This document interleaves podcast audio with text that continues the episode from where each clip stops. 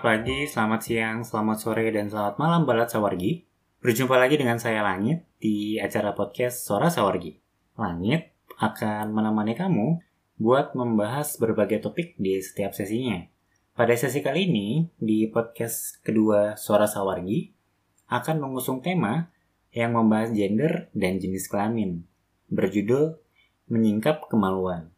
Nah, secara singkat, Langit akan membacakan beberapa pengertian yang berhubungan dengan tema kali ini. Jenis kelamin atau juga disebut dengan seks mengacu pada organ reproduksi dari seorang individu. Dalam pengetahuan awam, terdapat dua jenis kelamin yang biasa dikenal, yaitu laki-laki dan perempuan. Tapi sebenarnya ada juga orang yang lahir di luar kategori tersebut, belum lagi ada faktor genetik yang mempengaruhi perkembangan primer ataupun sekunder organ reproduksi. Kelompok ini dapat disebut dengan intersex, yang sayangnya masih sering dianggap sebelah mata. Ada satu istilah lain juga yang sering dipakai. Kalau jenis kelamin ditentukan oleh karakter biologis, gender ditentukan oleh konteks sosial, yaitu karakteristik maskulin untuk laki-laki dan feminim untuk perempuan. Nah, gender sering disebut sebagai hasil konstruksi sosial karena dipengaruhi oleh adat istiadat, kebudayaan, kepercayaan, hingga relasi di dalam masyarakat itu sendiri. Seringkali hal ini malah jadi bahan untuk mengkotak-kotakan pilihan individu. Penilaian ini juga jadi bahan untuk mengucilkan teman-teman yang dianggap tidak sesuai dengan apa yang dianggap wajar. Misalnya, supaya diakui sebagai orang yang maskulin, anak laki-laki tidak boleh menangis atau menunjukkan perasaannya, karena hal ini dianggap sebagai karakter yang feminim. Sebaliknya, anak perempuan yang gemar berolahraga justru malah diejek karena dianggap terlalu maskulin. Bahkan perkara warna bisa jadi masalah. Pink identik dengan perempuan dan biru untuk laki-laki. Berbagai macam produk pun akhirnya menyesuaikan pasarnya sesuai dengan karakter feminim ataupun maskulin. Berbagai contoh tadi memperlihatkan bahwa sebenarnya kita tidak hanya terpaku pada penis sebagai pertanda untuk laki-lakian dan vagina untuk perempuan.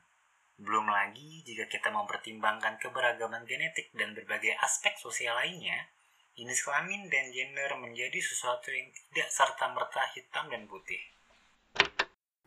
Nah, bahasan kali ini bukan dari awal lagi, namun ketingkatan yang lebih mendalam. Seberapa penting sih pengetahuan tentang gender dan jenis kelamin untuk diketahui? Mari kita ulas bersama-sama dengan narasumber kita kali ini, seorang peneliti dan akademisi yang memiliki fokus kajian di bidang gender dan seksualitas. Yuk, kita sambut Firdan Arya Wijaya. Gimana kabarnya? Hai Langit, uh, kabarku baik. Uh, Langit gimana kabarnya? Kabarku juga baik. Uh, Firdan, aku pengen memperkenalkan dulu nih Firdan sama Balat Sawargi. Firdan ini kan yang Langit tahu uh, dapat gelar master dari ISS yang di Belanda kan ya kajiannya. Iya betul. Kajiannya agraria. Cuman akhir-akhir ini lebih sering mengkaji seks dan gender. Kenapa Firdan tertarik sama kajian seks dan gender? Uh, di Belanda di ISS Erasmus University Rotterdam memang kajianku itu kajian agraria pangan dan lingkungan.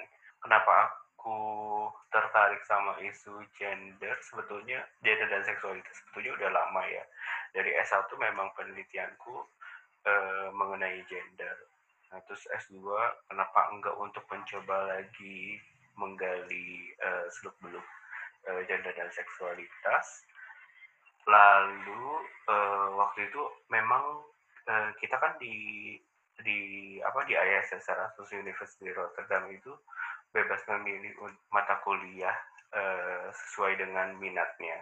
Nah kebetulan kita juga bisa lintas jurusan gitu loh. Jadi aku uh, kepikiran untuk ya ngambil gender dan seksualitas dan konvenyorku waktu itu juga bilang bahwa lebih baik kamu mengambil uh, gender dan seksualitas karena memang tesisnya berhubungan dengan queer. Pas balik lagi terus jadi keterusan deh ngomongin gender dan seksualitas tapi walaupun begitu aku masih kok uh, mengkaji uh, studi pangan misalnya sekarang sama uh, beberapa riset uh, lingkungan juga setelah Firdan mendalami tentang agraria dan gender dan seks ini ya kayaknya jadi penasaran nih sebenarnya pengertian dari gender dan seks itu apa sih Firdan? Hmm, untuk gender dan seks. Orang-orang biasanya bilangnya jenis kelamin ya. Kalau misalnya gender itu representasi uh, dari produk sosial sih aku bilangnya. Dalam artian sangat amat ditentukan oleh sosial gender itu. Tapi kalau jen, uh, jenis kelamin itu representasi dari kondisi biologis. Dalam artian terkait dengan hal-hal biologis dari tubuh seseorang itu sendiri sih jadi sangat berbeda konsepnya. Yang gender itu yang sosial, yang jenis kelamin itu yang biologis.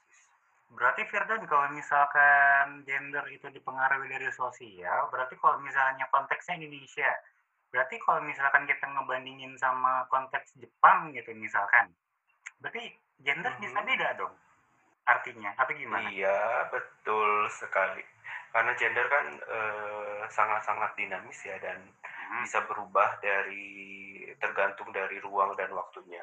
Tadi kan kita ngomongin konteks ruang nih yang di Jepang sama di Indonesia ya pasti akan berbeda karena budayanya juga beda, terus uh, pemahaman mereka tentang gender juga berbeda, interaksi sosialnya juga mungkin berbeda. Jadi ya gender gak bisa dikatakan sama di Indonesia atau di Jepang ya. Hmm gitu-gitu. Oke kedua hal itu sebenarnya adalah hal yang nggak bisa disatuin ya mas. Maksudnya kedua hal yang terpisah gitu. Sesuatu yang terpisah tapi uh, saling berhubungan. Aku bilangnya saling berhubungan gender uh, jenis kelamin itu berhubungan dengan gender. Karena kecenderungan masyarakat kita itu melekatkan jenis kelamin dengan gender. Bisa juga tertukar sih karena tertukar dalam artian karena masyarakat kita percaya akan namanya kodrat. Nah di kodrat itu sendiri uh, apa ya bayi yang lahir itu seakan-akan udah dilekatkan. Oh kamu kodratnya jadi lelaki itu harus up uh, misalnya jadi kepala rumah tangga. Atau misalnya oh kamu terlahir sebagai perempuan kamu harus bisa mengasuh anak. Kamu uh, kodratnya itu harus bisa pandai merawat diri misalnya itu sering sih terjadi. Jadi kodrat itu melekat di jenis kelamin tertentu perempuan atau laki-laki. Uh, apa? Jadi kodrat itu uh, mengikuti dia sampai misalnya dari bayi sampai lahir itu kodrat itu mengikuti dia dan melekat. Udah kan yang bermain itu kan gendernya bukan kodrat itu apa ya? Sesuatu yang term dari agama sih. Nah kalau misalnya melanggar kodrat berarti ya melanggar agama juga. Jadi eh, kalau misalnya perempuan itu dilekatkan dengan eh, motherhoodnya, terus kalau misalnya -huh. yang kodrat yang untuk laki-lakinya dia dilekatkan bahwa dia harus menjadi ayah, tapi ayahnya juga sangat-sangat mengikuti tatanan hegemonik maskulinitas. Oh iya, ini Berarti kalau yang Langit dengar dari pertanyaannya Firdan, berarti kurang lebih kayak yang ngegambarin masyarakat Indonesia sekarang nggak sih? Karena kalau misalkan Langit ngomongin tentang seks atau jenis kelamin gitu ya sama teman Langit gitu kan, biasanya tuh nggak jauh beda sama gender. Iya, sebenarnya hal kayak gitu tuh terjadi karena apa sih mas? Apa karena masyarakat masyarakat Indonesia itu masih sedikit mempelajari tentang pelajaran atau kajian seks dan gender atau memang sudah budayanya seperti itu atau kenapa sih mas? Uh, yang tadi aku bilang sih operasi operasi dari kodrat itu sangat-sangat melekat di ingatan kita karena memang pendidikan kita tidak mengenal uh, gender dan jenis kelamin secara terpisah sih ya. Jadi itu yang agak sulit untuk agak sulit untuk membicarakan hal itu karena baik lagi kodrat gak bisa ditentang karena itu e, permasalahan agama. Jadi orang-orang kayak oh oke okay, kamu kan udah kodratnya seperti itu ya udah itu gak bisa ditentang. Jadi ya operasi kodrat itu yang benar-benar dominan. Jadi masyarakat kita ya tertutup pemikirannya karena itu karena itu kan sesuatu hal yang tidak bisa diganggu gugat atau sama dengan melanggar tidak bisa digugat tapi kan bisa dipelajari betul nggak Firdan? Iya betul. Bisa dipelajari. Uh, tapi kan nggak sebagian orang bisa mempelajari gender dan seksualitas. Balik lagi pendidikan kita itu uh, hanya apa kita tidak mengenal pendidikan kayak misalnya uh, seksual apa seksual comprehensive education. Ya itu agak sulit sih kalau di kita tapi kalau kata Firdan sendiri nih, sebenarnya mempelajari tentang hal ini, tentang gender dan seks ini, seberapa penting sih pengaruhnya di masyarakat?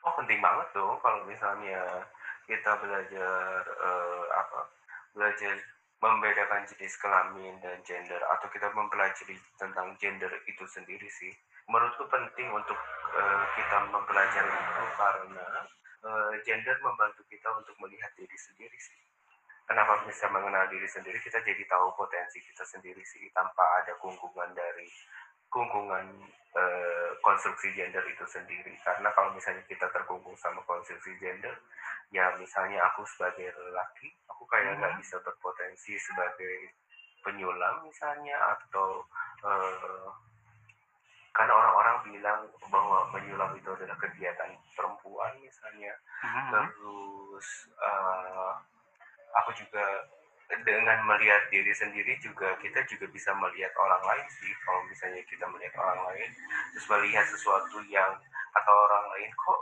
uh, kamu lagi tapi ekspresi kamu feminin? Ya sebetulnya nggak apa-apa kan. Itu juga termaksud bagian dari menghargai orang lain. Karena apa pun apa pun gendernya apa pun uh, jenis kelaminnya kamu terus kamu mau berekspresi seperti apa pun gendernya ya itu juga nggak masalah karena itu bukan sesuatu yang berhubungan.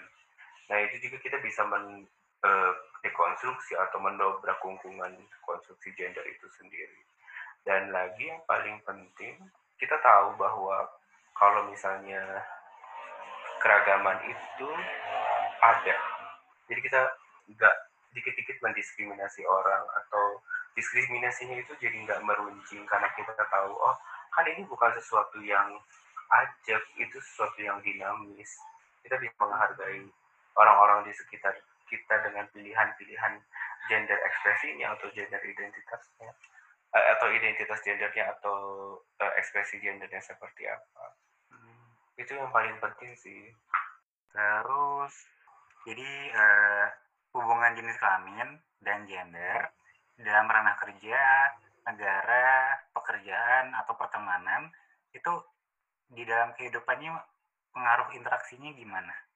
Aku selalu berpikir bahwa gender itu selalu beroperasi dalam setiap level sih ya kayak misalnya level personal, terus dari interaksi sosial, dari hubungan antara dua orang aja gender itu beroperasi terus dari institusi tadi yang seperti langit bilang bahwa.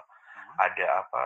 Ada sekolah ada rumah sakit ada keluarga juga termasuk institusi sosial. Terus ada poli apa ada negara. Ya pasti sih itu akan tanpa disadar kita sadari bahwa gender itu uh, bergerak uh, di ranah itu gitu ya. Kalau misalnya di personal ya kita punya pilihan sendiri tentang ekspresi kita terus uh, kita juga punya pilihan mengenai gaya rambut kita terus style kita terus juga uh, tingkah laku kita juga uh, sangat-sangat bergender ya. Terus uh, dari interaksi sosial dari dua orang yang berinteraksi juga kita pasti ada ekspektasi-ekspektasi yang uh, muncul uh, dalam hubungan sosial. Ya pasti ada muncul ekspektasi-ekspektasi itu sih terus menurutku juga kalau misalnya di institusi ya balik lagi kalau di institusi pasti kan kita tahu bahwa pat patriarki itu masih ada terus uh, lelaki masih masih banyak nih yang superior superior superior superior itu ya bisa di tadi ranahnya misalnya di tempat kerjaan kita uh, terus masih yang menganggap bahwa oke okay, kamu perempuan aku laki-laki. Apalagi yang uh, maskulinitasnya hegemonik hegemonik itu gimana mas? Ferdan maksudnya? Uh, yang hegemonik itu berarti ya dia berhierarki gitu kan. Pasti ada yang superiornya gitu. Bertingkat-tingkat gitu ya? Mhm. jadi kan maskulinitas itu nggak tunggal. Nanti mungkin akan dijelaskan lebih lanjut di podcast podcast semua sebelum selanjutnya sih ya.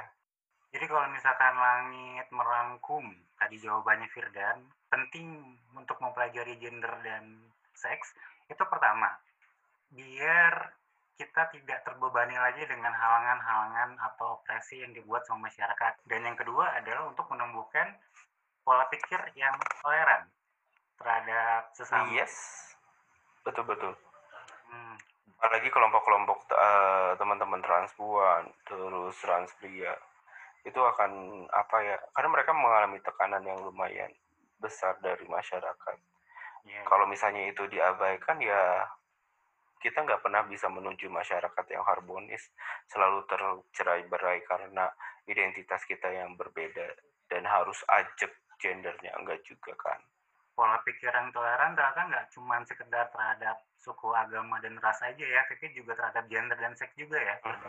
Iya betul Firdan, ini buat teman-teman yang lagi dengerin, buat Balat Sawargi, lagi dengerin obrolan kita berdua. Firdan ada pesan nggak buat Balat Sawargi setelah ngedengerin ini tentang, ya, belajar singkat tentang seks dan gender, Firdan pengen punya pesan apa buat mereka? pesannya jangan sampai konstruksi gender kita menghalangi apa jangan sampai konstruksi gender tertentu eh, di konteks tertentu menghalangi kita untuk berekspresi berkarya ya jadilah diri sendiri terus mengerti juga eh, gender kita itu seperti apa sih terus pemahaman gender kita sampai di mana dan juga eh, ingat bahwa kita juga harus menghargai pilihan-pilihan orang lain. Sebagai penutup, gender dan jenis kelamin ada hal yang berbeda.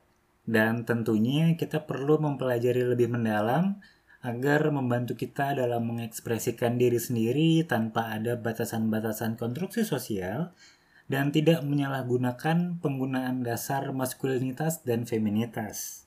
Terima kasih sekali lagi untuk Firdan sebagai narasumber kita kali ini. Ikuti Instagram kami di @panggungminoritas dan dengarkan terus cerita kami setiap bulannya di Anchor, Google Podcast, Spotify, dan platform podcast lainnya. Sampai jumpa.